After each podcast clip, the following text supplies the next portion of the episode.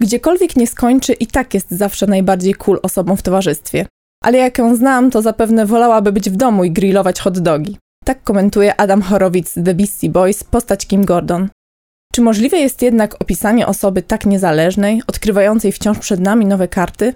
Kim Gordon, wokalistka, basistka, songwriterka, artystka wizualna, projektantka mody, a przede wszystkim niezaprzeczalna ikona alternatywnego rocka, choć jak sama o sobie mówi, jest rockmenką, ale przez małe R. Urodzona w 1953 roku, córka profesora i niespełnionej artystki. Świat zaintrygowała w Sonic Youth, zespole jednoznacznie kojarzącym się z jej kontraltem, jednym z najlepszych instrumentów w historii postpunka. Mimo, że to właśnie współtworzony z mężem Thorstonem Morem zespół dał jej największą sławę, Kim nigdy nie chciała być i nie była jedynie dziewczyną z zespołu. Swoją kreatywnością zadziwiała w wielu innych dziedzinach sztuki.